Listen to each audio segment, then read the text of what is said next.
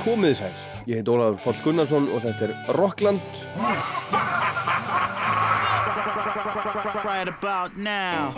Þið auglýsið hitt og annað, hérna hitt og annað sem svo aldrei kemur. Það var bara ekki auglýst, það var auglýst hvennasöng.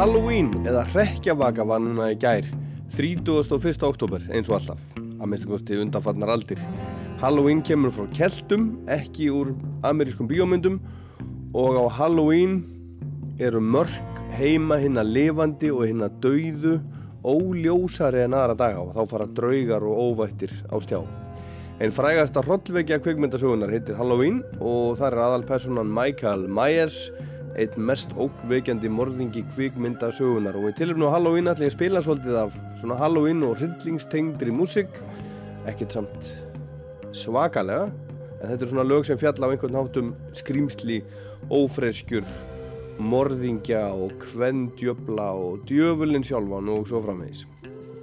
Og margt bara ótrúlega skemmtilegt lög sem við hafi heyrt hundra sunnum eða oftar og Æfur Pálsdóttir segir okkur svo frá nýju plötunum sinni Slör í setni hluta þáttarins en hún var á Íslandi núna í vikunum og það var nóg að gera hjá hann Kanski er það pínu inspirera á því að, að vaksa upp í svona eigarsamfélag eins og færiðum þar sem maður er mjög einmanna þarna út í, í hafinu.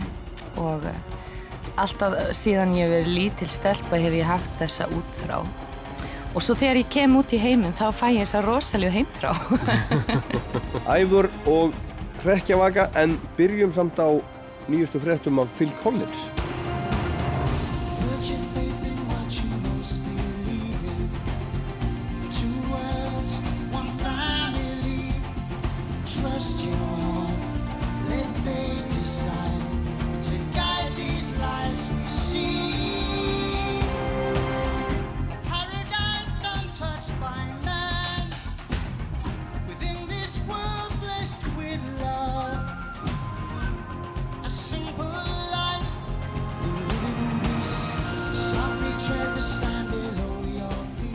Þetta er vinnur okkar, Phil Collins gamall vinnur með eitt af lögunum sem hann samti fyrir Disney teiknumyndina um Tassan. Þetta þekkja allir, konur og kallar og krakkar og afar og ömmur. Ég að minnst einhversti trú ekki öðru. Steppi Hilmas hann söng þetta í íslensku útgáfinni söng þetta þetta á íslensku í Tassan myndinni. En þetta er einn stærsta popstjarnar nýjönda áratugurins Phil Collins var uppáflega trommari í ennsku prog-rock sveitinni Genesis en eftir að söngvarinn Peter Gabriel saði skilu við sveitin ára 1975 stakk gítarleikarin Steve Hackett upp á því að Phil trommari myndi taka við hljóðnumannum sem þeim hinum í hljómsutinni leist ekkert allt og vel á til að byrja með en Steve Hackett trúði á hann vegna þess að hann var að gera var búin að vera að vinna eitthvað svona solo, solomúsík og var búin að fá Phil til þess að syngja. Og þetta svín virkaði honum og það svín virkaði líka hjá honum að syngja á endanum með Genesis þegar þeir letu á það reyna eins og Steve sagði í viðtali við Rockland í upphaf árs suggested that he became the band's singer uh, because he worked with me on solo stuff.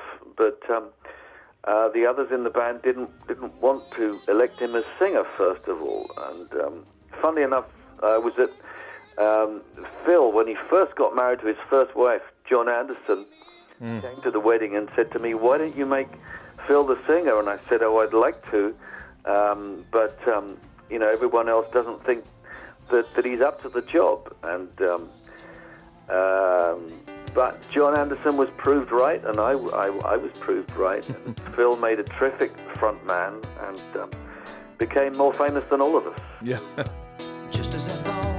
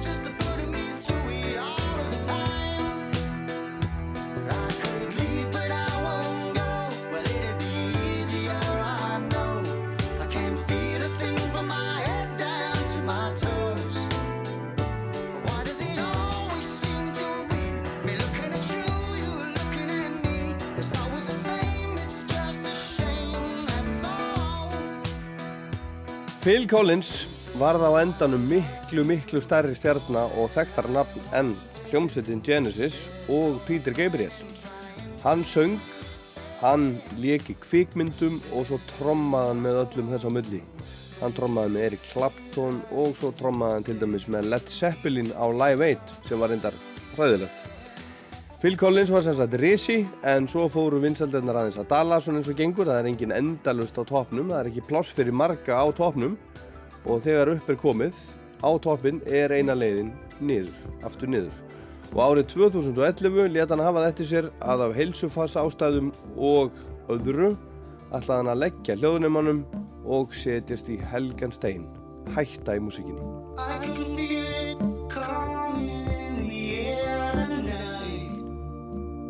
Oh Lord,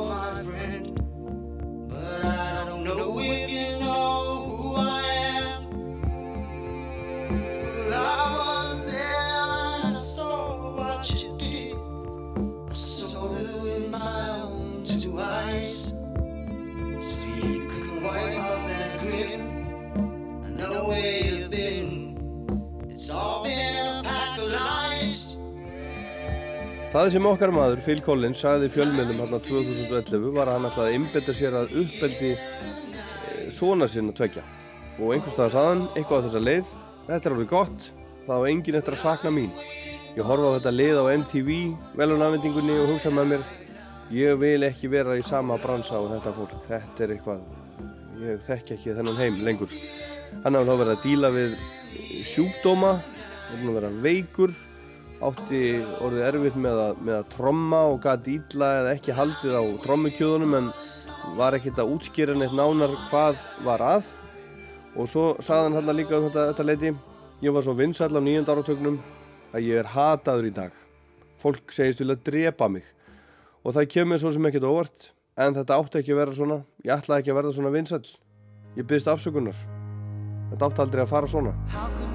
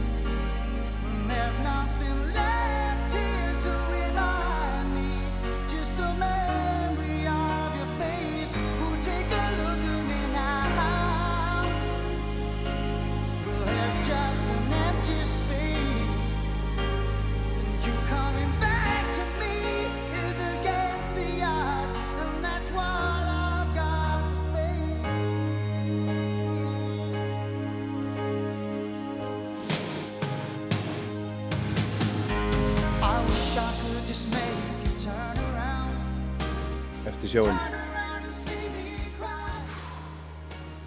Núna í síðustu viku byrtist viðtal við okkar mann, Phil Collins, á vef Rolling Stone og þar segir hann að hann sé hættur við að hætta.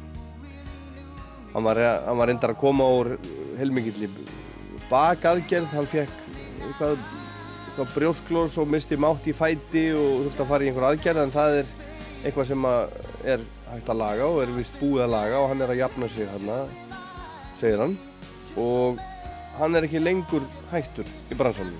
Hrossið er komið að básnum og býður eftir að fá að, að hlaupa um. Hann verður ekki sendur á sér plötu með nýri músík síðan 2002 og það eru mörg ár síðan. Og þá senda frá sér plötu sem að heitir Testify Og svo fór hann í stutta tónleikaferð með Genesis árið 2007, það var svona smá comeback tour. Og 2010 gaf hann út plödu með gömlum Motown-smell sem heitir Going Back. You gotta give me some, give me some of your loving. You gotta give me some of your loving. Now I'm not a greedy guy, so don't ask me why. Just give me some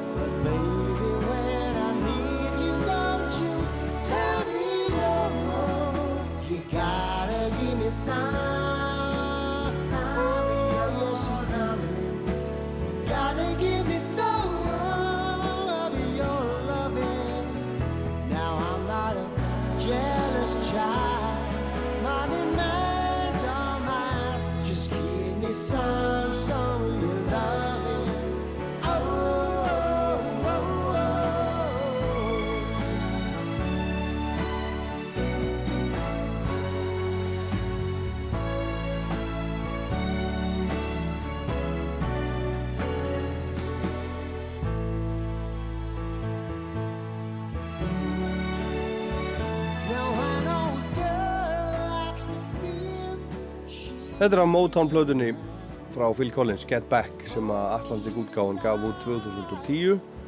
Gammallega til Jerry Goffin og Carole King, heitir Psalm of Your Lovin'. En núna er ný plata með frumsöndum lögum á leiðinni frá Phil, auk þess að hann er að skipulegja tónleikaferð. Sýnir hans tveir sem voru einn helst ástæðan fyrir því að hann dróð sig í hlið á sinu tíma eru nú- núna átnir 10 og 14 ára gamlir og í dag eru þeir aðal ástæða þess að hann ákveður að skrýða úr hýði sínu og upp á svið. Þeir vilja sjá hvað það er sem pappi gerir. Þeir eru aldrei síðan á sviði og hann vil sína það þá, hann vil taka þá með í tónleikaferðina. Mamma þeirra bræðra, síðasta eiginkonan, yfirgaf Phil árið 2008 og flutti með sinina til Miami. Hann bjóð þá í Sviss og þetta var mikið áfall fyrir hann. Hann eitti talsverðin tíma Þannig kjölfarið eitt fyrir fram á sjónvarpið með drikk í hönd, drakk allt of mikið og of lengi segir hann, vorkendi sér, átti slæma tíma og fannst allt ömulegt. Heilsan farinn og konan farinn og, og vinsaldirnar dvínandi og allt í steik. En í dag hefur hann ekki drukkið í þrjú ár og er fluttur til Miami svo hann getur verið nálagt sónum sínum. Hann hittir það núna nánast á hverjum einasta degi segir hann. Hann keipti hús af Jennifer Lopez og Barry Gibb er nágranni. En þeir eru svolítið mikið hjá honum sinnindir og sá eldri er í hljómsveit, hann heitir Nikolas og, og fylgjet útbúa svona stúdíó eða æfingahúsnæði í húsinu svo að hann geti eftir með hljómsveitinu sinni þar. En það sem hefur verið að hrjá Phil heilsu farslega er þetta. Hann tapaði næstum allir í heyrn á vinstra eira árið 2000 sem eru þetta slæmt og í comeback tónleikaferð Genesis árið 2007 þá fekk hann brjósklós í, í hálsinum uh, svona einum hálsliðnum af, af völdum meiri trommulegs en líka minn þóldi og það var þess valdandi að, að taugar sem að, að liggja nýri hendurnar sköttuðust eitthvað og það olli því að hann gati ekki trommað og hann reyndi allt sem hann gat, hann reyndi til dæmis að, að teipa kjöðana á hendurnar á sér en það bara gekk ekki og hann hætti að tromma. En í fyrra hóað hann saman nýri útgáfu af, af gamla bandinu sinu, einhverjum gamlum og einhverjum nýjum.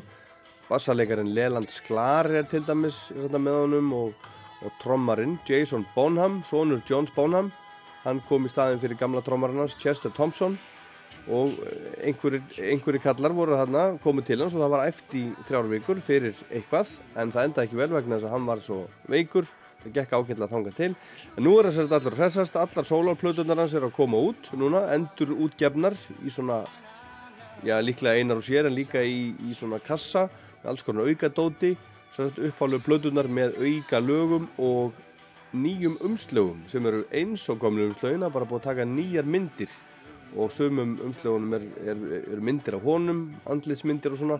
Þannig að nú eru gömlur plötunar með andlitinu á honum ný, ný, nýju myndum og svona og Phil segir að þetta gangi alls saman þokkarlega, hann hefur verið mikið að vinna í þessu sjálfur og hann segir ef fólk tekur þessu vel þá væri það reynilega heimskulegt að gera ekki nýja músík og fara og spila fyrir fólkið. Gamlu umbóðsmaðurinn hans er að undirbúa tónleikaferð sem verður kannski stór en kannski svolítið minni. En þegar hann er spurður út í það hvort Genesis með Peter Gabriel við hljónum hann eigi eftir að koma saman aftur og spila eins og aðdándur eru búin að óska eftir árum áratugum saman þá segir hann að líka síðan ekki miklar, sífælt minni. Peter myndi fyrir það fyrsta aldrei syngja lögin sem hann, Phil, hefur sungið með, með Genesis og svo getur hann ekki tromma þannig að það, það sé bara ruggla að vera að hugsa um þessa hluti en hann segist geta spilað á píjano og hann getur sungið og hann segist vera hamingjusamur og ánað með lífi Guði sér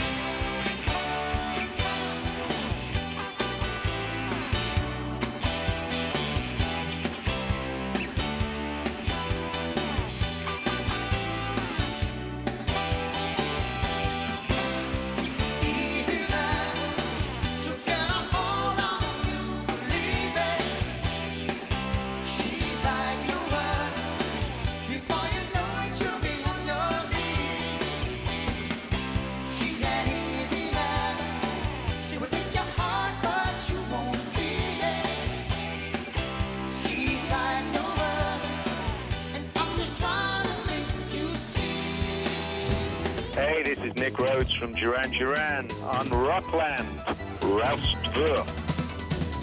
Her name is Rio and she dances on the sand.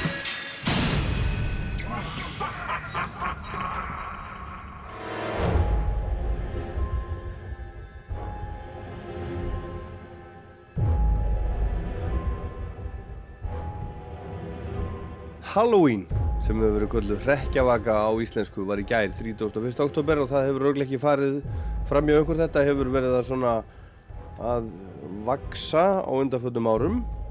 Meira, meiri Halloween stemning á Íslandi heldur en hefur verið nokkuð nokku tíman þetta hefur verið bara met núna í ár. En þetta er ekki komið úr bandarískum bíómyndum eins og sumir hafa verið að kvart undan. Þetta er hátíðistagur ættaður úr keltneskri trú það það sem hétt upphaflega Samhain voru fram sáln á ítsku. Drúitar færðu þá þakkir fyrir uppskeruna og bóðuðu komu vetrarins.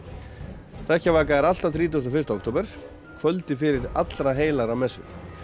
Og mörkina lifandi og hinna dauðu voru óljós þennan dag og draugar og aðrar óvættir voru taldar sveima um og voru því bálkestir kveiktir til að venda hinna lifandi. Og drúitarnir dulbjöku sig til þess að þekkjast ekki og buðu óvættunum mat og drikk til að friðþægja þær. Þetta er sagan. Og hrekkjavöku fylgdu ímsar hefðir, leifar sumra þeirra lifa í hrekkjavöku nútíma þar sem, fólk klæðist grímubúningum og sjá má drauga og aðrar óvættir í skreitingunum og börn ganga oft á milli húsa og byggja um nammi. Fáið þau það ekki, kasta þau oft eggjum í hús þeirra sem að ekki gefa þeim. Og aðrir fornir hátíðistagar annara trúabræða voru innlimaður í hrekkjavöku í kristnum sið. Þetta kemur sagt ekki úr amerískum bíómyndum eins og svo margt sem hefur helst inn í íslenska menningu á undanföllum árum og áratögum. Hverjum fyrir sig til mis mikillar gleði eða harms. En ef ég tala bara fyrir mig þá er ég svolítið hrifun á hrekkjavökunni. Það er til dæmis búið að vera gaman í Hafnafjörði um helgina.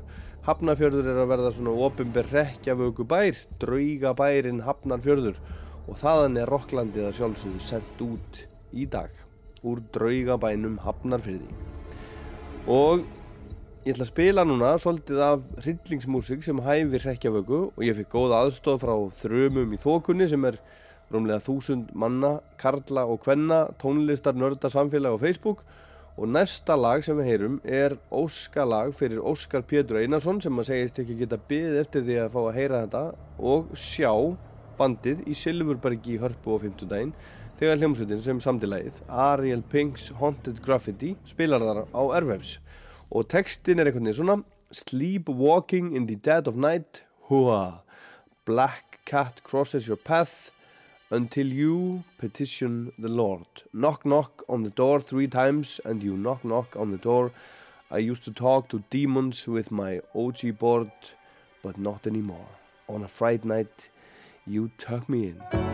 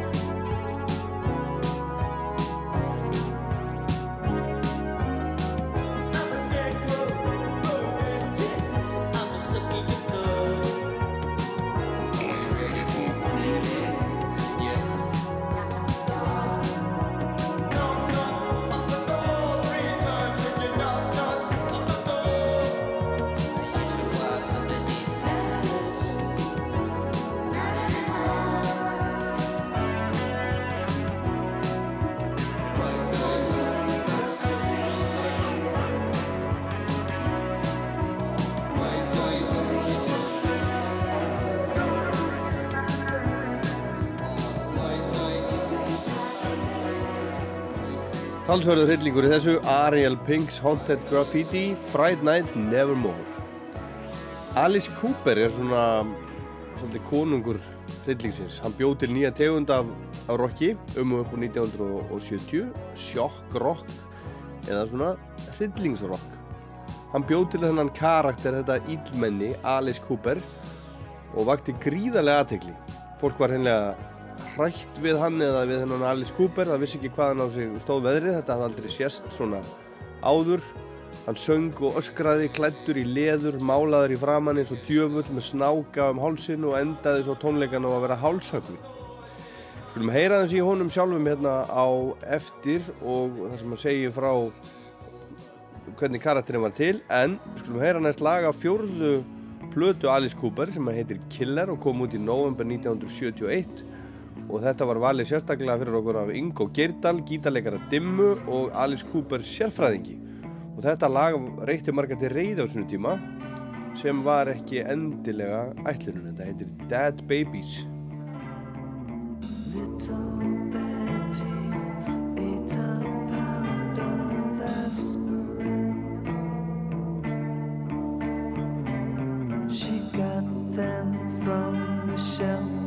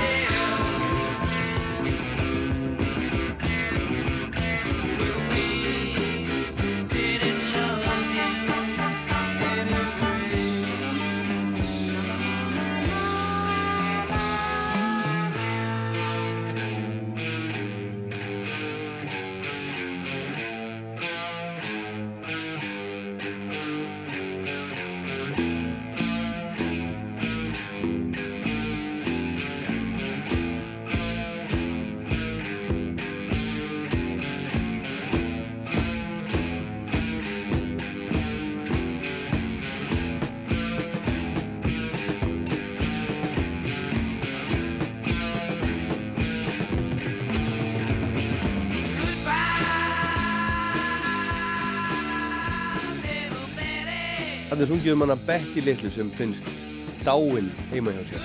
Með fullan maga af verkjatöflum sem hún tók úr pilluglasinu sem var upp á komóðunni eða hvað, lítil börn get ekki klifrað upp á komóður og gert svona, opnað svona, svona pilluglös og, og borðað fullt af pillum. Þetta er Alice Cooper 1971 og lag sem fjallar í raunum fóreldra sem vann rækja börnin sín og fara ítla með því, svoleiðis er því miður til. En það miskildu margir hvað þessi ræðilega hljómsveit var að fara úr þessu tíma með þessu lægi og öllu sínu framferði. Þetta þótti einhvern veginn bara mjög skrítið. Morgun fannst þetta alveg drefleðilegt líka. En Alice Cooper, eða Vincent Furnier eins og hann heitir í rauninni, elskulegur og skemmtilegur klár maður sem er búinn að vera edru í mörg mörg ára, ára tugi og er með brjálaða golfdellu ég er ekki vissum að fólk myndi þekkja henni eða sæja hann á einhverjum golfvelli hérna á Íslandi til dæmis, sem þetta ekki þekkja hann sem Alice Cooper en hann var í viðtalum daginn í amerískum útvarsþætti þar sem hann var að segja frá því til dæmis hvernig karakterinn Alice Cooper var til á svonum tíma we never really followed the rockers. It was always something outside of rock. Hmm. So that- nothing that like Screaming Jay Alice. Hawkins, you know, with the Yeah, with the- and we didn't even know who that was. Oh, I mean, that wow. was out of our radar. The the world was full of Peter Pans, and there was no Captain Hook.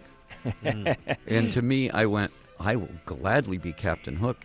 It's needed. There's no there's no villain in rock. There's no Moriarty. And then when you start creating this character, I think the two things that influenced it most, the look of it, we saw Barbarella, the movie, Right. the Black Queen. I went, ah. that so you're whole, not you know, that- siding with Jane Fonda. You're going with the Black Oh Queen. Oh, no, I'm going with the Black Queen. Yeah, and she had switchblades coming out of her wrists, and I went, okay, that's that's Alice. And then the other one, the odd one was Baby Jane. Hmm. Whatever happened to Baby Yeah. Jane? Now, when I'm very good and do as I am told, I'm Mama's little angel, and Papa says I'm good as gold. But when I'm very bad and answer back and sass, then I'm Mama's little devil, and Papa says I've got the brass. Betty Davis is 70 or 80 years old, trying to look like a 12 year old, and she's got this makeup that's caked on, and it's all cracking, mm-hmm. and the lipstick is all crooked, and the eyes are all crooked because it's not on very well. And I went, okay, take the Black Queen and put that makeup on her, and you've got Alice. Yeah. Yeah, Wow. yeah. I finally created my favorite rock star. Þannig nú það. Vincent, eða Alice, sagði þarna að það hef ekki verið aðrir rockarar eða aðrir tónlistamenn sem hafi fætt af sér karakterinn Alice Cooper heldur hafi það verið annað, allt mögulegt annað. En hann segir að þessum tíma hafi heimur verið fullur af svona náungum eins og Pétri Pan, en það vantaði Koppa Krók. Það vantaði svona íllmenni eins og Alice Cooper og hann er afsprengi svörtu drottningarinnar úr kveikmyndinni Barbarella sem Jane Fonda leik aðalutverkið í og Baby Jane sem Betty Davis leik árið 1962 þá voru fullari manneskja 70 eða, eða áttræðis aldri og hún leikur badnastjörnu sem er orðin gömul kona og heldur sýstir sinni fanginni í svona ríkra manna höll í Los Angeles, mér minnir ég að hún sé þessa mynd en mann ekki svo vel eftir henni. Hún er svakalega mikið máluð í henni svo sem er grímu, bara máluð í framann með vasslitum til dæmis og þetta er allt saman málingin er sprungin og ljót og allt í svona klessu þetta er svona klessu andlit. Og Alice fekk þessa hugmynd að blanda þessu saman á sinnhátt sem sagt Baby Jane, andlitinu á Baby Jane og lukkinu á Black Queen úr Barbarella. Og þar með fættist Alice Cooper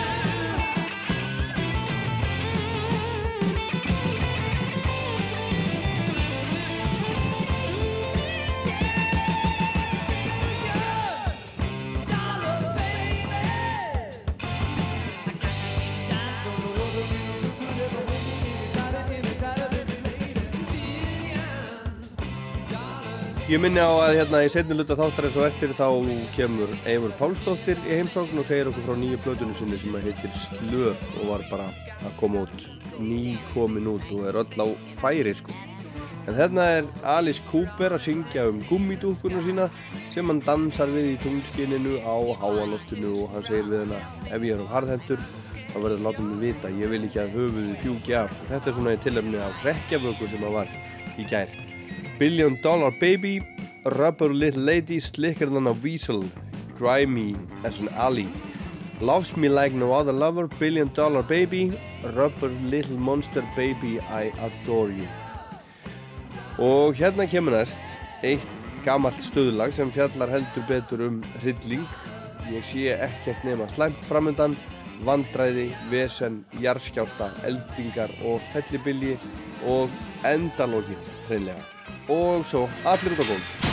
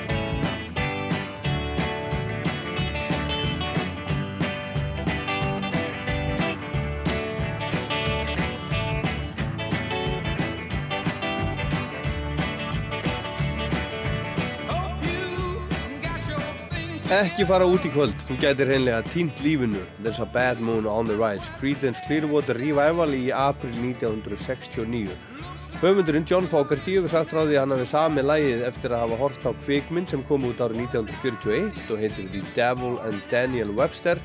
Og í myndinni er fellibillur og hann var í heimsenda pælingum þegar hann samtið þetta lag. Og í síðustu línunni, eða síðustu línunni segir There's a bad moon on the rise sem margir hafa heyrt There's a bathroom on the right og John Fogerty hefur stundum sungið þetta svoleiðis á tónleikum í gegnum tíðina.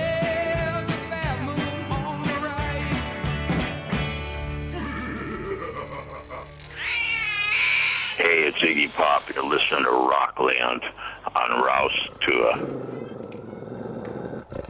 Það verðum að hlusta á hryllingslög hérna í Rocklandi til efni af hrekkjavöku sem að var í gær. Og ég held að muni allir af minni kynslu að mestugusti eftir því þegar thriller myndbandi var frumsýnt í sjónvarpinu.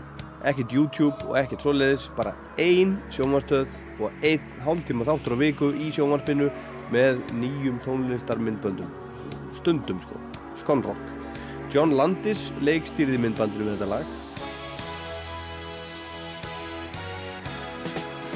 hryllingsmyndbandurum við þetta hryllingslag þar sem popguðin ungi umbreytist í uppvakning zombie. Árið var 1982.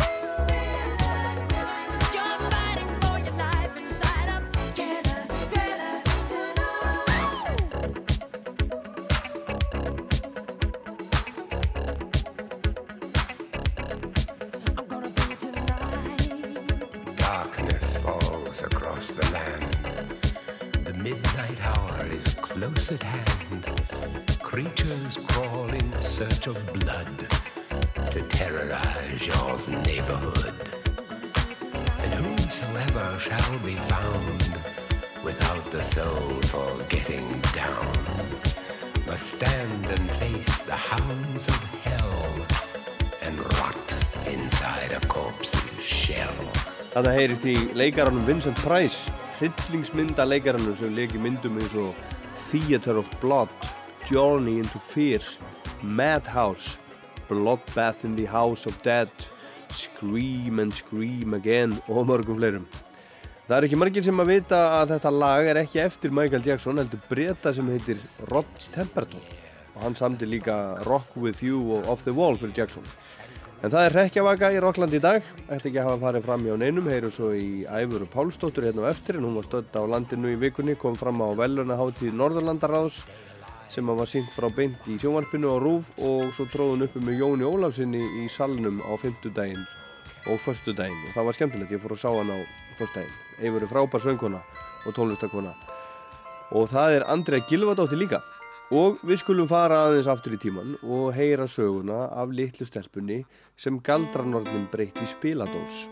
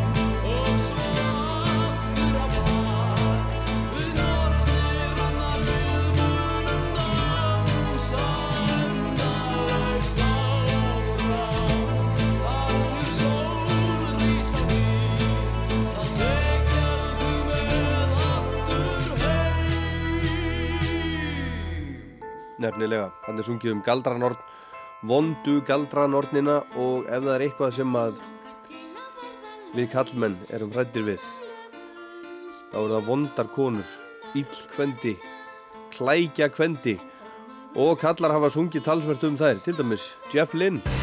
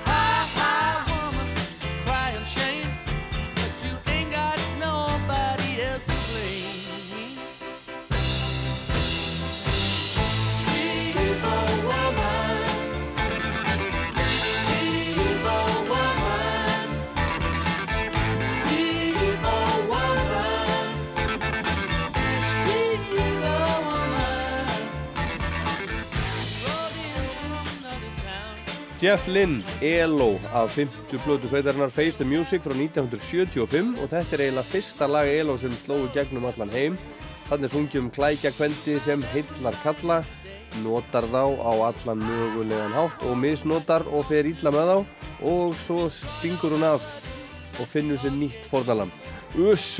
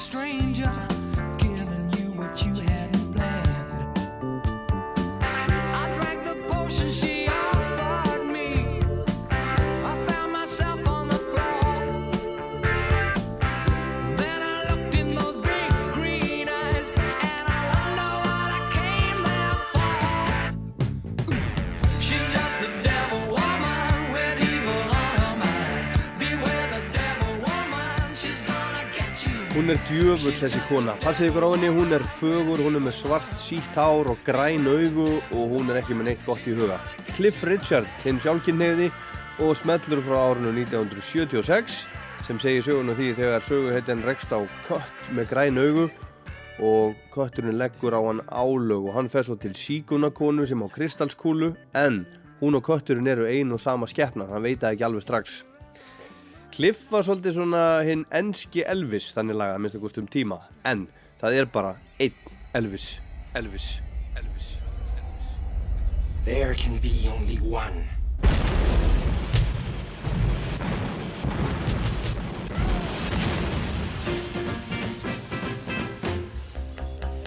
You look like an angel. Walk like an angel. talk like an angel, but I got wise. You're the devil in disguise. Oh, yes, you are, devil in disguise. Mm-hmm. You fool me with your kisses. You cheated and you schemed. Heaven knows how you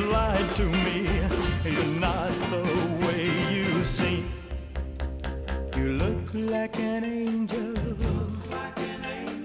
walk like an angel, talk like an angel, but I got wise. You're the devil in disguise. Oh, yes, you are. Devil in disguise.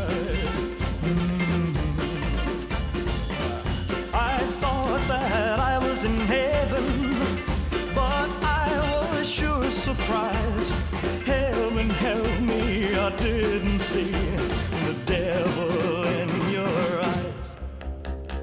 Hinn eini sanni Elvis um það leitið þegar bítlarnir voru að slá í gegn 1963 Þú ert djöfullin í dölargerfi, kona. Þetta náði þriðja sæti í Ameríku og fór á toppin í Breitlandi hausti 1963 Devil in the Skies, You're the Devil in the Skies. Þú lítur út og gengur eins og engill en ég sé í gegnum þig. Þú ert undir förul og svika djöfull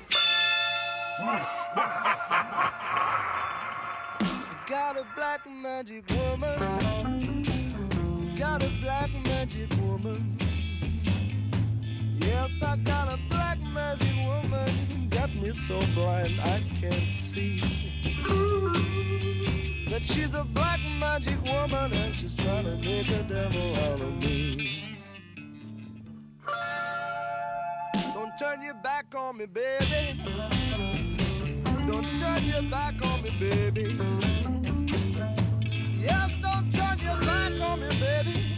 You're messing around with your tricks.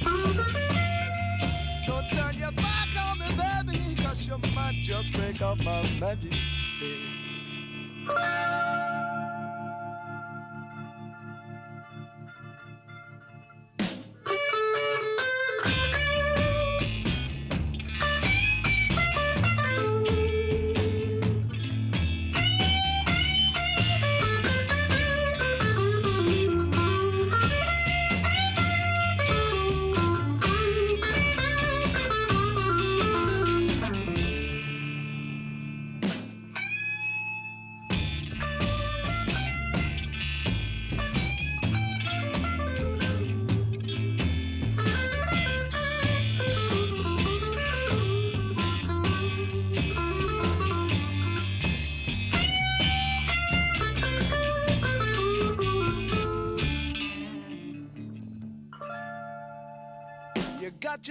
Hér heldur þetta áfram í miklu gamaldags stereói. Þetta er Fleetwood Mac. Þegar Fleetwood Mac var bresk bluesljómsveit leitt af gítarséníinu sem samdi þetta lag, Peter Green. Þetta kom út í þessar útgáfi í mars 1968 en sló svo í gegn síðar svolítið meira með Santana. En það sem er hægt að lesa í þennan texta er að þarna er á ferðin einhvers konar nord svartagaldurs kvendi Black Magic Woman að minnstakosti kona sem er með þvílíkt tak á kattgreinu sem er hérna söguhetjan og syngur. Hann er bara ósjálf bjarga hann segir þú gerir mig algjörlega brjálaðan. Ég breytist í einhver djöful og hjarta mitt verður að steini. Ég þarnast þín óendanlega mikið. Ég vil að þú elskir mig Black Magic Woman Við fáum eitt lítið svona númer áður en að við heyrum í henni Ævuru Pálsdóttur hérna á eftir. Skellum okkur til New York, 30 ára aftur í tíma næstu því í Halloween skrúðgönguna. Sögumæðurinn Lou Reed. There's a downtown fair singing out Proud Mary as she cruises Christopher Street. And some southern queen is acting loud and mean where the docks and the badlands meet. This Halloween is something to be sure. Especially to be here without you. There's a Greta Garbo and an Alfred Hitchcock and some black Jamaican stud. There's five Cinderellas and some leather drags. I almost fell into my mug. There's a Crawford Davis and a tacky Cary Grant. And some homeboys looking for trouble down here from the Bronx. But there ain't no Harry and no Virgin Mary. You won't hear those voices again. And Johnny Rio and Rotten Rita, you never see those faces again. This Halloween is something to be sure. Especially to be here without you. There's the born again losers and the lavender boozers, and some crack team from Washington Heights. The boys from Avenue B, the girls from Avenue D, a Tinkerbell in tights. This celebration somehow gets me down. Especially when I see you're not around. There's no Peter pedantic saying things romantic in Latin, Greek, or Spic. There's no three bananas or Brandon Alexander dishing all their tricks. It's a different feeling that I have today. Especially when I know you've gone away. There's a girl from Soho with a t-shirt saying I blow. She's with the Jive 5 2 plus 3. And the girl for pay dates are giving cut rates or else doing it for free. The past keeps knock knock knocking on my door. I don't want to hear it anymore. No consolations, please, for feeling funky. I gotta get my head above my knees. But it makes me mad and that makes me sad. And then I start to freeze. In the back of my mind, I was afraid it might be true. In the back of my mind, I was afraid that they meant you. The Halloween parade. At the Halloween parade. At the Halloween parade. See you next year at the Halloween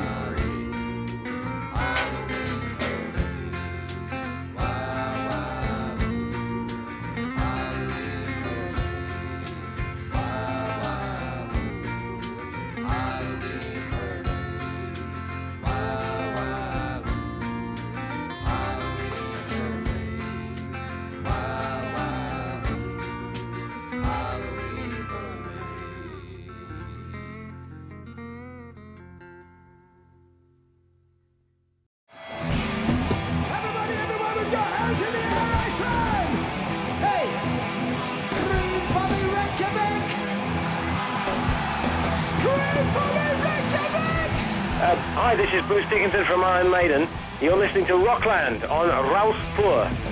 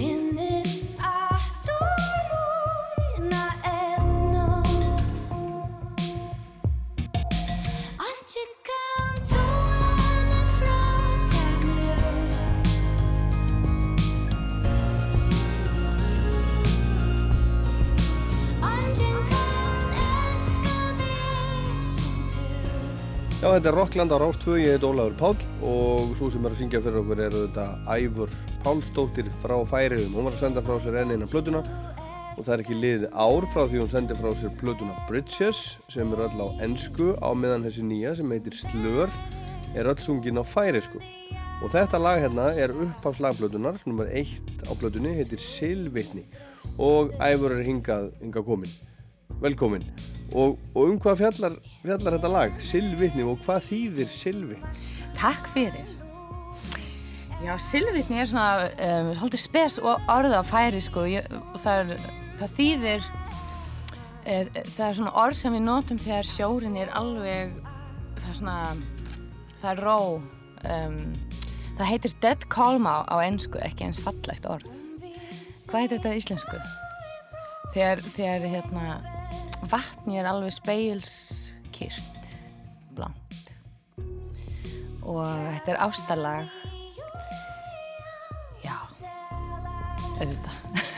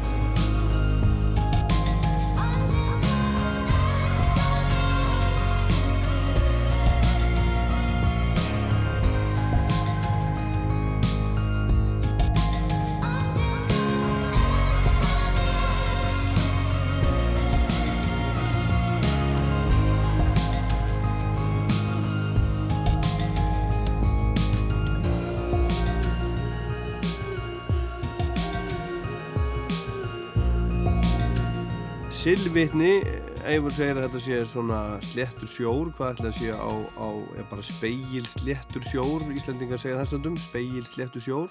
Já. Svo eru einhver, einhver betri orð yfir, Já. yfir þetta. Ef það er, ef það er, ef það er hérna, engin vindur þá er það dúnalogn til dæmis, eitthvað svona. Þetta er, þetta er eitthvað svona leiðis. En, en þetta, eru, þetta eru tvær plötur núna á sama árinu og, og einu á ennsku, það er sett Bridges og svo er þetta svona sýstirinn. Af hverju, af hverju gerur þetta svona? Þetta var, það er út af því að ég, ég er búin að semja svo mikið lögum og, um, og þetta var náttúrulega í síðasta ára að ég var með, komið með alveg fullt af lögum og, og það var einhvern veginn, þeir voru saman lögin á Bridges og Slur voru saman einhvern veginn á, á sama tíma og sum eru meira að segja saman, svona eru fjalla um kannski sama sama dót einhvern veginn. En, en svo sér maður að frá svona öðrum sjónarhóttni og, og mér fannst einhvern veginn lögin vera svo mikið í, í fjölskyldu og, þurfa, og þurftu að ég ætlaði fyrst að gera svona tvöfaldan disk Já, já, þetta á íslensku, nei Já. á, á ennsku og færisku. Já, og þá því hugmyndi var svolítið að, þú veist, Bridges er, er voða mikið um heimþrá og þetta og um, um vin, vinskap og, og ást og, og svona og, og slör er meiri um, um hérna, hvað heitir það íslensku, útlangsöl, þú veist, þegar maður, Útþrá. já, útþrá, nefnt. Og, og það er heyra saman þannig svolítið eins og yin og yang finnst mér og Já. mér langaði alltaf að þær, þær myndu koma út á sama ári og það tókst mér. Þannig að þetta er svona, þessi plata, nýja platan, hún er svona, þá ertu svona, svona heima og langar að fara eitthvað, Já. leiðist að vera í uppvaskinu eða eitthvað. Já. Og, og, og hinn er svo að vera, hinn er svo það sem þú ert einhvers staðar úti og, og hugsar heim, langar heim. Já, já, hún er svolítið þannig og, og ég veit ekki svona, kannski er það pínu inspirera á því að, að vaksa upp í svona eigjar samfélag eins og færhjum þar sem maður er mjög einmanna þarna út í, í hafinu. Og uh, alltaf síðan ég verið lítil stelpa hef ég haft þessa útþrá. Og svo þegar ég kem út í heiminn þá fæ ég þessa rosaljú heimþrá. Já. þannig að, uh, já. Já, ég, ég held ég hef bara aldrei verið það lengi heimann að ég hafi fengið einhverja svona, svona heimþrá, þá. Hvað, hvað, maður, hvað það maður að vera lengi að heimann til þess að maður finnir fyrir því? Hvenar fer heimþráin að gera vart við sig? Ég er náttúrulega búin að vera að heima síðan ég var 17. Ég er bara Aha. búin að búa uh, ekki búin að búa í Færheim neitt sérstaklega mikið og um, er alltaf, ég, ég fer samt svona uh, fjónsinnum árið eitthvað. Já. En kannski Þannig að þú ert með stöðu og heimþrá. Já. Ha, það endar þessu ég, bömmur. ég veit ekki, þetta er ekki kannski það svo bóstarlegt en þetta er líka svona metaforist held ég og, og heim getur verið svo margt það þarf ekki enn til að vera einn ákveð staður Nei. þannig að en það var sá hugmynd með þessa plötur að þær myndu að þær myndu vera, vera svona að heyra saman á þennan hátt Já. En hvar er, er heim í dag hjá þér? Í dag er heim í Kaupmannhafn Já, þannig að þegar þú fórst heim þá, langar það að fara til Kaupmannahafnar. Æ, ég veit það, Æ, jú, stundum Já. Já, það er allavega heim og þar, eh, þar býjum ég fjölskyldum mína. Það er voða fínt að búa þar. Og, eh, og já, og þe þegar ég samti lögin, ég glemt að segja það, það var svona ein, ein plattir á, á ennsku, einar færisku. Og það var oft svona skrifaði svona einn ennskan text, það var búin með hann, svo kom ég allt í henn með, með einhver text á færisku sem var svona speilsmynd Já, já. eða eitthvað á, á hinnum textanum. Þannig að Og er þetta þannig að þú getur svona sagt að þetta lag, þetta tengist þessu lagi á Bridges og eitthvað svona? Já, maður getur, maður getur sagt það um nokkuð lög. Eila.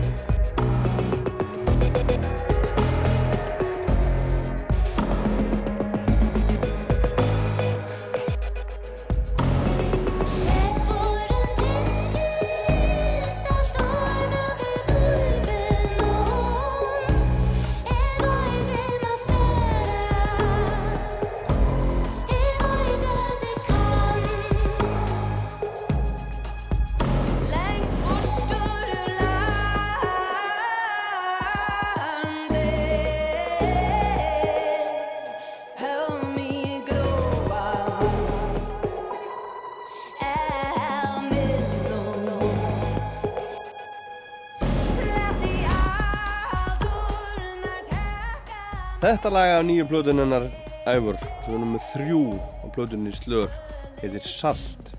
Hvar er þetta, er, er þetta tekið upp og er, er þetta tekið upp á sama tíma?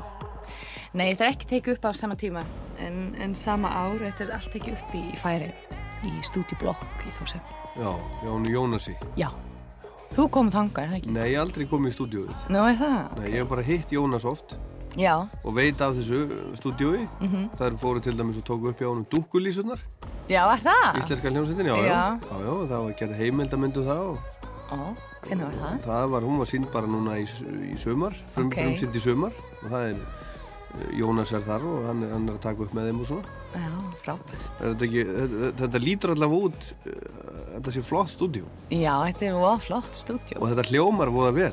Já, já. Þetta er svona gamalt fristihús. Já. Og ég menna þessar plöturinn það hljóma mjög vel, það er flott, flott þessu og, og allt er fyrirmyndar. Og þú ert með þitt fólk hérna með þér, þú ert búin að finna bara þitt band, Mikael Black á bassa og Högni Lísberg á trommur og... Já, við erum búin að vera að spila voða mikið saman núna síðustu ár Mm. og eh, eins voða gott að vinna með þá, strákana. Já, þægilegi strákar. Já, maður þekkir svo vel einhvern veginn, maður er búin að vinna saman í, í svo mörg ár núna. Já. Við byrjum að vinna saman, fyrsta skipti, þá var ég bara, það var áður ég kom til Íslands, þá var ég bara 16 ára Já. í Case og þannig að, Þannig að þú ert búin að venjast þeim. já, þetta er svolítið þannig að maður, að maður eh, skilur hvort annað voða vel og þarf ekki alltaf að útskýra allt, þú veist svona mikið, Nei. til þess að maður fatti hvað, hvað maður langar að gera. Mm Og svo náttúrulega Já. Tróndur, hann er, hann er alltaf líka þegja að spila á hljómborð. Já, og hann er búin að- pródúsera þessar tvær plötur. Já, og hann er alveg með þér í, í þessu á fullu. Já, algjörlega. En hann er meira svona, hann, hann er meira svona klassist uh, tónskáldið ekki og, og stjórnandi og... Já, hann, hann er, er klassist tónskáld og músikinn sem hann byr til sjálfur er Algjörðrugl. nútíma, já, algjörður, nei, já, þetta er svona, svona nútíma klassisk músík, en svo er hann líka voða mikið búin að vera að pródusera músík, eh, alls konar pop, músík. Já, meira heldur en, heldur en, heldur en það sem þú ert að gera. Já, hann er búin að vinna mikið með um, aðra tónlistamenn líka, eins og teitur og, Já, já. já, og danskar artistar líka. Þannig að hann, hann fílar þetta alveg líka. Já, vera- hann er voða, voða klár í þessu finnst Uh-huh. mér og, og voða gaman að vinna hann út af því hann, hann hérna er svona uh, hann, hann um, við hérna we surprise each other, hvernig segir maður það? Við, Komum við, hvort komum öðru á- óvart. óvart, já, og það, það er gott að, að geta svona um, að einhver sé, að- sé að þú veist, íta aðeins á mann stundum. Næsta lag sem við ætlum að heyra heitir, hvernig segir maður þetta, Mjörka, mjörskaflókar og það er mjörskaflókar eh, það þýðir eh, það er eitthvað sem við um, voða mikið á í færiðum það er svona þoka sem, sem leggst voða svona þungt yfir eh, bæinn stundum. Og ég man voða mikið eftir þessu allavega þegar ég var lítil að þegar mjörkaflókar koma yfir byggðina þá mun man ekki sjá mikið í marga daga. Og, um, og þetta lag það var það er svona inspirera á góður vinkonu mínu sem byrjaði að gleyma svona min, minnið hennar sveik. Og, um, og þetta lag fjallar um hvernig mér langar að, að sjá heiminn í gegnum, í gegnum hennar augum og, og að þekkja hennar um, raunveruleika. Mjörkaflókar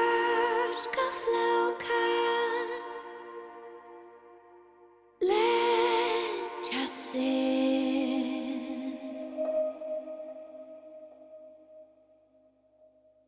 sig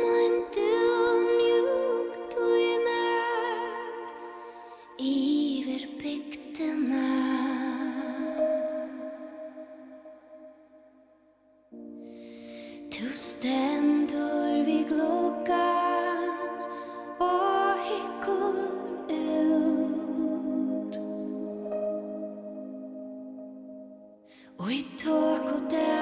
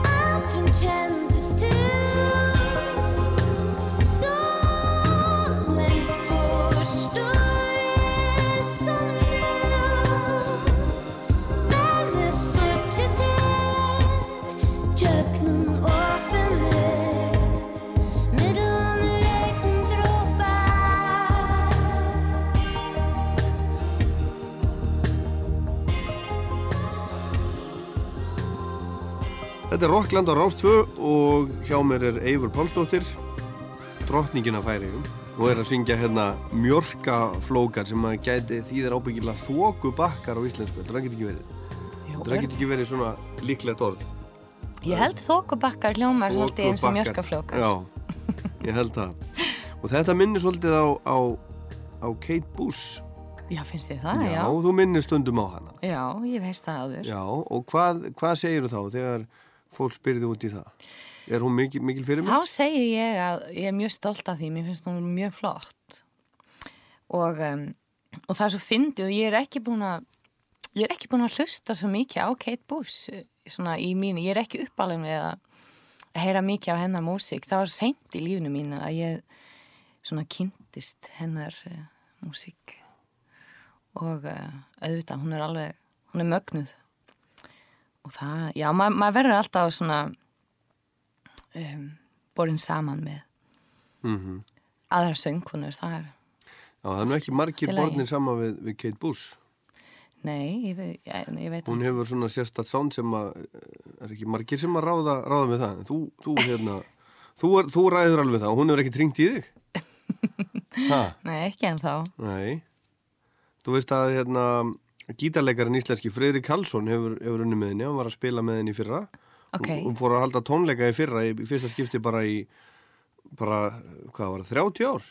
Eða eitthvað. Hún hefur í rauninni aldrei spilað ofinbellega, hún spilaði bara fram til 1978 og svo hefur hún ekkert spilað síðan. nei, Það fór að gera það fyrir svon sín, hún heit svon sem er unglingur ok og hún, hann gerði það fyrir hann að, að hérna, halda tónleika og hún var bara á einum stað einhvers staðar í London, já, Apollo Theater held ég og spilaði 20 sinum og það seldist upp á 30 sekundum það er rosa flott. Það er mjög, mjög flott. Hún er mögnuð Já, og þú ert búin að gera núna fleiri blöður held ég heldur en, heldur en Kate Bush. Já, er það? ég held það, hvað er hann búin að gera margar? mann það ekki. En, þú, en þínar? Já, þessi slör, það er tíunda stúdjuplata mín. Já, ég gerði náttúrulega fyrstu þá var ég 16 ára rétt en ég kom til Íslands. Hvern, hvernig finnst þér hún? Það er alltaf skrítið finnst mér að heyra eitthvað sem maður er búin að gera fyrir svona mörgum árum síðan. Já, og uh, mér finnst alltaf, mér finnst gaman að, heyra hvar maður var stattur þá og ég lít svolítið á það þannig. Mér finnst hún, mér finnst hún skemmtileg. Tíunda platan. Já. Já. Og hún heitir, heitir slör og þegar ég sá þetta fyrst þá held ég að væri svona slör en svo brúðarslör. Já, Þú- getur verið það. hvað, nú, er, nú er það. Já, En það slör- þýðir það en að það getur þýtt alls konar. Það getur líka verið þoka að slör leggjast yfir bæin eða eitthvað svona. Þannig að þess vegna fannst mér það vera svo flott um, flottur titil fyrir þessa blötu þá því hún fjalla voða mikið um um þessa þóku að komast út úr þessu þóku Ég er alltaf þoka í færi já, næstu því. Nei, oft. Hvernig, hvað áhrif hefur það á, á bara, þú veist á, á fólki sem hann býr? Þú veist, er það alltaf svona oh, þoka, þokan komin aftur.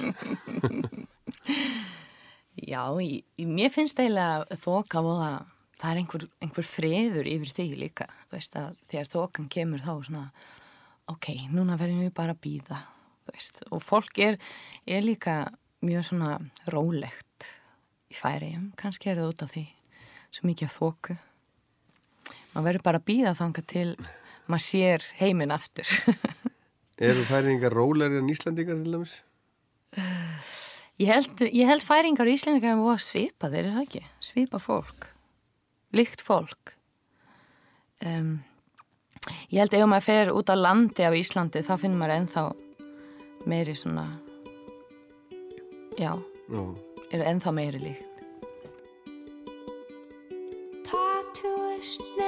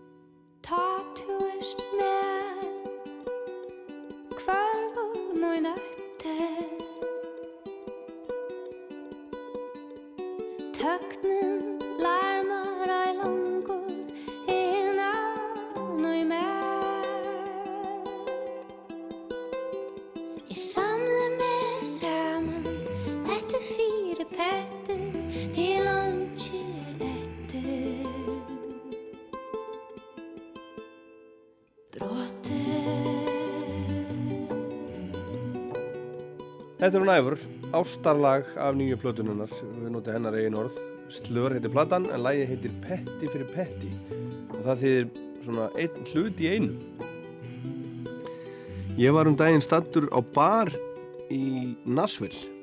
Ok. Þar heit ég, heyri ég held í hennu, helvítis jáarar. Nei, Hvað er það? hittir þú færing? Ég heit að fætti tvo færinga, færiska bræður á bar í Nashville. Ok. Ha, og hérna og, og við, við vorum hérna, hérna nokkur íslendingar saman og, og, og þeir heyrðu að við vorum að tala saman eitt er að hann býr hérna, annar býr á Íslandi Ok. og, og bróðurinn sér held í útgerðamaður í Færihjum Nú. Ok, jú, jú. Færingar hafa alltaf kallað íslenska, Íslendingar fyrir jáarar. af, af hverju? Það er því þið segja já, já, já, já, allan tíman. Er það? já, já, já, já Er það, er það út af því? Að við segjum svona já, já, já, allt í lagi, já, já, já Ha, Er það ekki bara? Ég, ég held það, ég veit það ekki alveg. já Hvað, hvað kalla Íslendinga færinga? Já, það er góð spurning. Ég held við köllum ykkur bara færinga Já, er það? Já, ég held að það sé ekkert svona ha, Danir eru kallaðir baunar Baunar? Já. Er það? Já, það var eitthvað í sambandi Já, er það ekki bara því að þeir voru alltaf að rækta svo mikið af baunum? Nú? Eh, ég, já, einhvern veginn minni það En við heldur sé ekkert svona Þeir eru ekki með neitt svona nafn, annars eru Nei. alltaf með fyrir, þú veist, allir eru með fullt á nöfnum. Já, Veist. eins og Nei, þú veist, þegar maður heitir, heitir eitt nafn, svo, Mhm. svo á maður eitt kælunafn líka, Jú, eða jú tvö. uh Við erum ekki með svoleiðis í færiðum allavega. Er það ekki? Nei, maður heitir bara það sem maður, maður heitir. Hérna, það heitir maður alls konar. Ég veit það Hvað he, hva heitir þú? Já, þú heitir Ólafur. Ég heiti Ólafur, kallaður, kallaður Óli Já, Og já, ég heiti líka Páll Stundum kallaður Palli emmitt. Já, Palli þýðir pungur á finsku Það er önnur saga En, en ég skil hvað átt við það þessi Palli pungur. Já, þessi gælnöfn Herðu, en, nú vil ég segja mér segja mér hérna, frá læginu Slör, titillæginu Já. Slör er um, ljóð sem, sem er samið eftir um, færist ljóðskald sem heitir Marjun Süterbø Kjellnes og um, ég er búin að vinna svolítið mikið með henni undanfærin tvö ár og hún samti líka einhverja texta á, á Bridges. Og um, mér fannst uh, þetta ljóð svo fallegt. Þetta er, um, þetta er ljóð sem er um, þetta er svona ástar ástarteksti held ég. Og um, og þegar ég las það þá, þá var ég voða inspireruð og samti lag við. Og það endaði svo á, á þessu plötu og þetta er svona, hún segir að þetta sé hugmyndin kom frá sögunni um, um silkonuna, það er svona ga- gömul færisk eh, saga ástasaga. Ást, Já, ég vil að þú segja mér aðeins meira af þessari sögu. Sögu, já, Já, já, emmitt og það er eh, svona gömul færisk saga um um, um selkonuna sem, sem stýgur upp á land í, í þegar tungli er eh, fullt. Og um, og það er allir, allar selkonurnar dansa í, í mána lýsi og um, svo uh, kemur maður og uh, verður ástfangin á henni og, og stelur selskinnið hennar. Og hún er svo föst á landi í mörg ár með þessu manni og þau eignast fjölskyldu. Og en hennar þráð út í, í hafið til hún á náttúrulega líka fjölskyldu í hafinu allir sel ungarnir og, og hennar þrá út í hafið, útþrá út í hafið hún, hún varar við og, og hættir aldrei og einn daginn finnur hún lekilinn á kistunni þar sem hann er búin að geima sélskinnið hennar og, og hún er. Og hann sér hann aldrei aftur.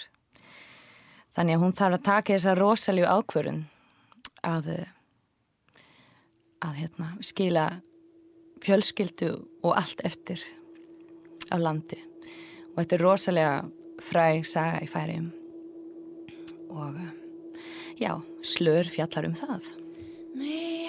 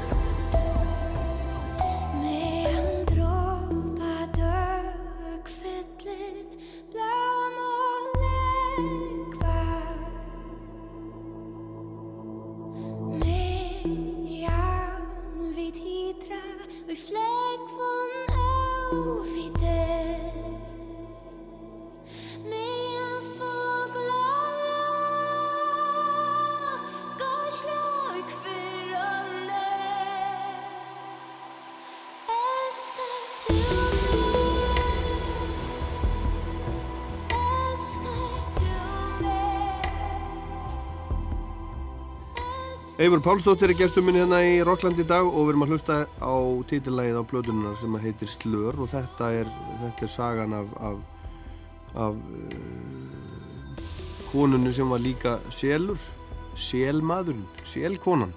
Sílkona Góð saga sem er, sem er til, til við og ég held reyndar að hún var íslenska þessi saga en, en hún er líklega bara alþjóðleg, þetta er bara svona þjóð, þjóðsaga. Já, ég held hún er fræg sérstaklega í, í Norrlöndum og um, Og mjög svona tákræn. já, mjög tóknræn og, og fjallaði var mikið um, um, um frelsi og, Mhm. og svona hún, já, hún Og mjög val, falleg og val að velja Já, eitthvað. val, Já, já. val í lífinu erfi val Já, þú valdir að koma fram á, á velunahátti Nor Norrlandaráðs núna Já. í vikunni. Ég valdi það Þú valdi það. Já. Og hérna, og, og kannski ekki erfitt val, þú, er bara, þú varst bara beðin um það ekki? það var, já, það er mikil heiður að fá að fá að vera með og já, indislegt Og þú komst hinga beint frá Færiðum. Já. Þú varst að spila þar ég sá það, þú varst að spila á, á fimm tónleikum og, og allstaðar uppselt. ekki? Já, ég var með ég var með útgáð tónleiki færiðum núna áður en kom hingað og ég var með, já, fullt á tónleikum eina Já. helgi Já. já, það var voða Svo, svo var heima líka það ekki? Jú, ég spilaði á heimaháttíðinni Já. og, uh, og svo í Norrlandhúsinu og svo í Klagsvík líka Já. Og við stálum heima hugmyndinni frá ykkur. Það fengum hann að lána það. og ég fekk að spila heima hjá þér Já, þakka þið kjallaði fyrir það. Það var ekki leðilegt. Það Og í var- beitni útsendingu á Rástvöð. það var rosa gaman Það var mjög, mjög skemmtilegt. En, en hvernig, sko, þegar þú sp spilar í færiðum, er, er, er, kemur heim, menna, uh, gerur þú oft, spilar þú alltaf heima þegar, þegar þú kemur eða bara stundum og, og er ég alltaf spila, ég spila bara einu sinna ári kannski Já. í færiðum og um, Já, yfirleitt, þú veist, er það einhverjur útgá, útgáð tónleika. Er, Já. Núna er náttúrulega búin að vera svolítið mikið á diskum Já, já. að koma út. Sem er gott. Þannig að núna er ég búin að spila aðeins meir heldur en venjulega. En hvernig er það þegar, þegar þú hérna gengur um gödunir í færjum er ekki allir að bara neyja sig svona fyrir drottningunni? Æ, nei, nei. Nei, nei, nei, nei, þetta er ekki þannig. Ég held fólki bara, nú, nú, æfum minn, hvað segir þú? Já, já, auðvitað. skemmtilegt, skemmtilegt fólk. Og, og var gaman á, á, á já, þið segið ekki heima, þið segið Hæma? Hæma? Já, það var voða gaman. Ég, ég hef aldrei spilað á færisku heimaháttiðin áður. Ok. Það var fyrsta skipti. Og ég spilaði í Sýrugötu, rétt, bara rétt fyrir ofan um, e, sandinum. Já, já, já, já, já. Rétt hjá ömmuðinni? Rétt hjá ömmu. Og e, það var rosa skemmtilegt, veist, fullt af fólki sem ég hef ekki séð í mörg ár. Og fólk, fólk frá, frá bænum sem hittir voða sjaldan. Þannig að það var sérstakt, sérstak upplifun. Já, þetta er mjög skemmtileg hátíð. Já, Og, og, og, og okkur hefur tekist ágætlega að, hérna, að herma þetta eftir ykkur í, í, í Hafnafyrði. Já, er, er búið að vera vinsælt. Já, já, Já. búið að vera, vera tvísvar og, og, og heldur áfram. Já, æðislegt. Já, Þetta er rosa flott konsept. og, og þetta var allt saman, ef við hefum ekki hitt Jón Tyril á Ervefs fyrir tveimur árum, þá hefðu við ekki farið í þetta. Nú er það, já. Þetta kom, kom þannig, sko. Ok. Hann saði okkur af þessari hugmynd Já, og, og hérna, við sögum, þetta er svo góð hugmynd að við verum að, við verum að stela þessu, setja þetta upp já, í Hafnafyrði. æðislegt. Herðu, en, en hvernig er það? Ertu orðin jafn þekkt uh, sko í Danmörku og Nóri og Svíþjóð og, og ert á Íslandi? Mm, ég veit það Ja, ekki. ja, hvernig svona gengur þar? Það gengur voða vel, veist, ég er búin að spila um, voða mikið núna síðustu tvö ár. Bara endalaust á túr og, uh, og að ferðalögum og það er náttúrulega bara frábært. En sérstaklega er ég búin að, að vera mikið í Þískalandi og Hollandi og Östuríki og, um, og svo náttúrulega líka í, í Norgi. En ekki í Svíþjó. Ég hef ekki spilað eina tónleik í Svíþjó. Í alvöru? Ég, ég veit ekki alveg hverju. En Ég veit ekki, ég held að það er svona einhver markaður sem er, já, Eitthvað meira, Öðruvísi meira pop kannski þar? já. Ég hef oft heyrt frá artistum að það er erfitt að komast inn í, í Svíþjó. Ég hef heyrt það líka í gegnum, gegnum sko útvarstarfið því að við erum í samstarfi við alls konar útvarsmenn hér og þar. Já. Svíðirnir eru svolítið erfið, þeir, þur- þeir þurfa svolítið að finna hjólið upp sjálfur. Já, þeir vilja freka bara hafa sí, sí. Já, þeir, þeir vilja bara gera hlutina á sinnhátt. Já. Það er eins og, eins og hérna, ég menna það er bara þá þeirra karakterenginni. Þeim, þeir vilja hafa bara, þeir vilja gera þetta á sinnhátt sko. Já. Og mikið.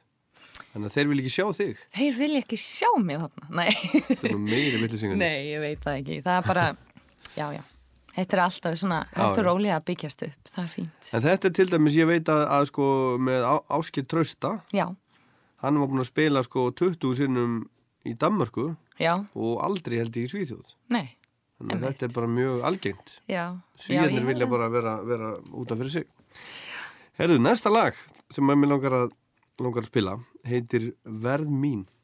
Já. Vermóin er um, eitt af þremur ljóðum á, á slör, plötunni, sem eh, eru eftir Marjón Sýtaböð Tjelnes, færist ljóðskald. Og um, þetta lag fjallar um, eða hef, er inspirerað af um, sögunni um selkonuna sem var föst á landi.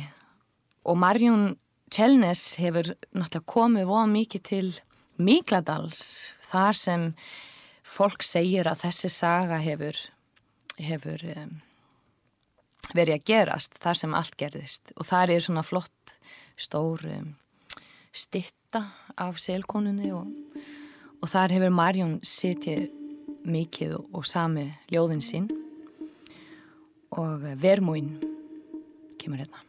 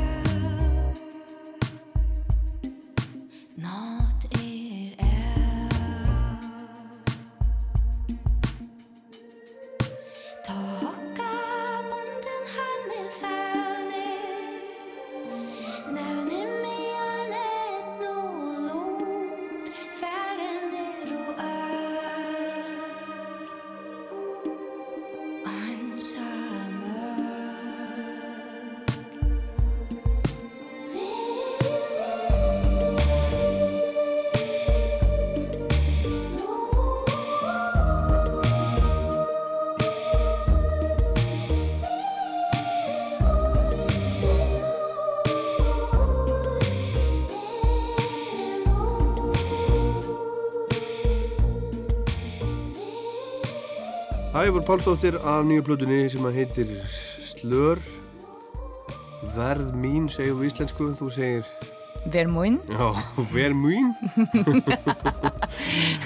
Herðu, og þetta er, þetta er ein- ein af þessum sögum eða þú veist, ein af þessum eitt af þessum þremur lögum á, plötunni sem að, sem að tengjast sögunni um, um sel konuna. Já.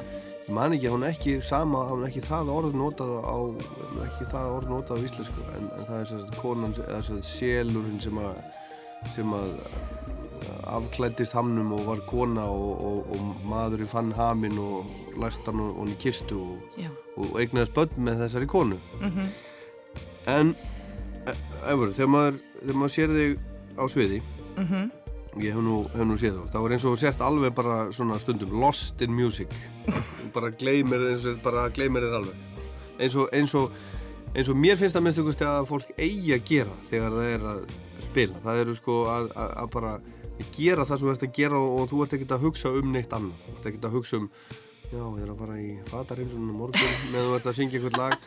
En það eru margir sem, betur að það, eru, það er ekkert margir sko og það er ekkert margar aðtapnir kannski sem að fá fólk til þess að svona gleyma stað og stund Mm. sem er, sem maður er að gera. En það er sko, það er uh, ábyggilega margir sem að öfunda þig á því. En einu sinni þá, þá tölum við saman eftir að þú, þú, þú varst búin að spila var á, var á bræðslunni.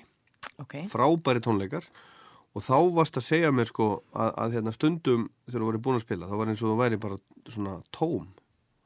Eins og þú hefði verið bara eh, sko líku við gerst eitthvað af þér.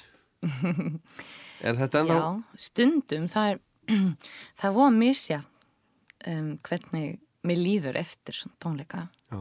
stundum líður mér rosalega vel eins og ég sé bara fyllt með, með orku. Og stundum stundum gerist það eitthvað að ég tæmist pínu svona. eða ég ve- verð svona já, ég sýt bara starri út í tóman heim eða svona, já. bara eins og það komi svona eitthvað svona, svona þunglindi bara Eh, Já, stundum hefur það gerst. Já, Já, veist, erf, stundum hefur mér fundist það erfitt eitthvað eftir. Og, og stundum er, er svona gleðis uh, rjúsur. En Já. ég held að alltaf, músík hefur alltaf verið fyrir mig, veist, staðurinn þar sem ég get svona horfi, veist, fari inn í, í annan other dimension og þar svona get ég losna mig bara við sjálfa mig ég, ég bara segi bless bless ég ætla Já. að fara inn í þetta Já. og bara vera í, í mómentinu algjörlega með, með fólkinu sem er í salnum og með bandinu og mér Já. finnst það mér finnst það eh, það sem magna músík kann, kann svo margt Já, ég man, ég, ég man svo vel eftir þessu að því að, að því að sko ég var út í sal bara og, og, og hlustaði á þig og horfði á þig, mér fannst þetta alveg frábært en þú varst alveg því nú eftir Já, var það? Þú sagði bara, hvað var ég, hvað var ég að gera þarna? Þannig að þú Stundum finnur gefur það gerst ef ég er ekki ánæg með tónleikana sem ég er með Já. þá tekið það voðalega persónlega. Eða ég fer í eitthvað svona en ég, ég samt, þetta er eitthvað sem ég er búin að reyna að og sem ég er búin að læra með árin að, að fara ekki alveg niður í veist, kjallaran þó, þó að allt gengur ekki alveg eins og þú ætlaðir. Var, var eitthvað, hvað var að gerast í bræslunni, ég man það ekki? Bara alveg frábæri tónleikar. Nei, nei, það. var bara alveg frábært Já, en ég held maður læri svona með árunum kannski að, að reyna að stjórna sér aðeins betur og, og láta sér ekki alveg draga niður þó að allt er ekki alveg eins þú ætlaðist til. Algjörlega, ég skildi alveg. En við skulum enda þetta bara á loka lægi blödunar. Tröllabundin. Er þetta, hérna, þú ert búin að vera að syngja, syngja þetta lag. E- e- Hefur þetta komið út á blödu áður? Tröllaböndið? Já. Um, það hefur, ég tók uh, þetta lag upp fyrir, já, það er mörg á síðan. Eila plötu sem ég tók upp á Íslandi í 2004 og um, þetta lag er búin að, Og það er á henni, það er á henni, á íslensku, nei á færisku. á færisku. en það er svona allt önnur eh, versjón, allt önnur útgáfa og svo er þetta lag einhvern veginn fyllt mér svo mikið, ég er búin að spila það og að mikið og það hefur breyst svo mikið með árin einhvern veginn. Þannig að mér fannst að, að ég eftir að og það myndi passa vel á þessa blötu og mér langaði svo að gera eina svona nýrri útgáfu sem passaði betur við hvernig ég berða fram núna. Eifur Pálsdóttir, takk fyrir komuna. Takk sem leiðis og spjallið. Shut light.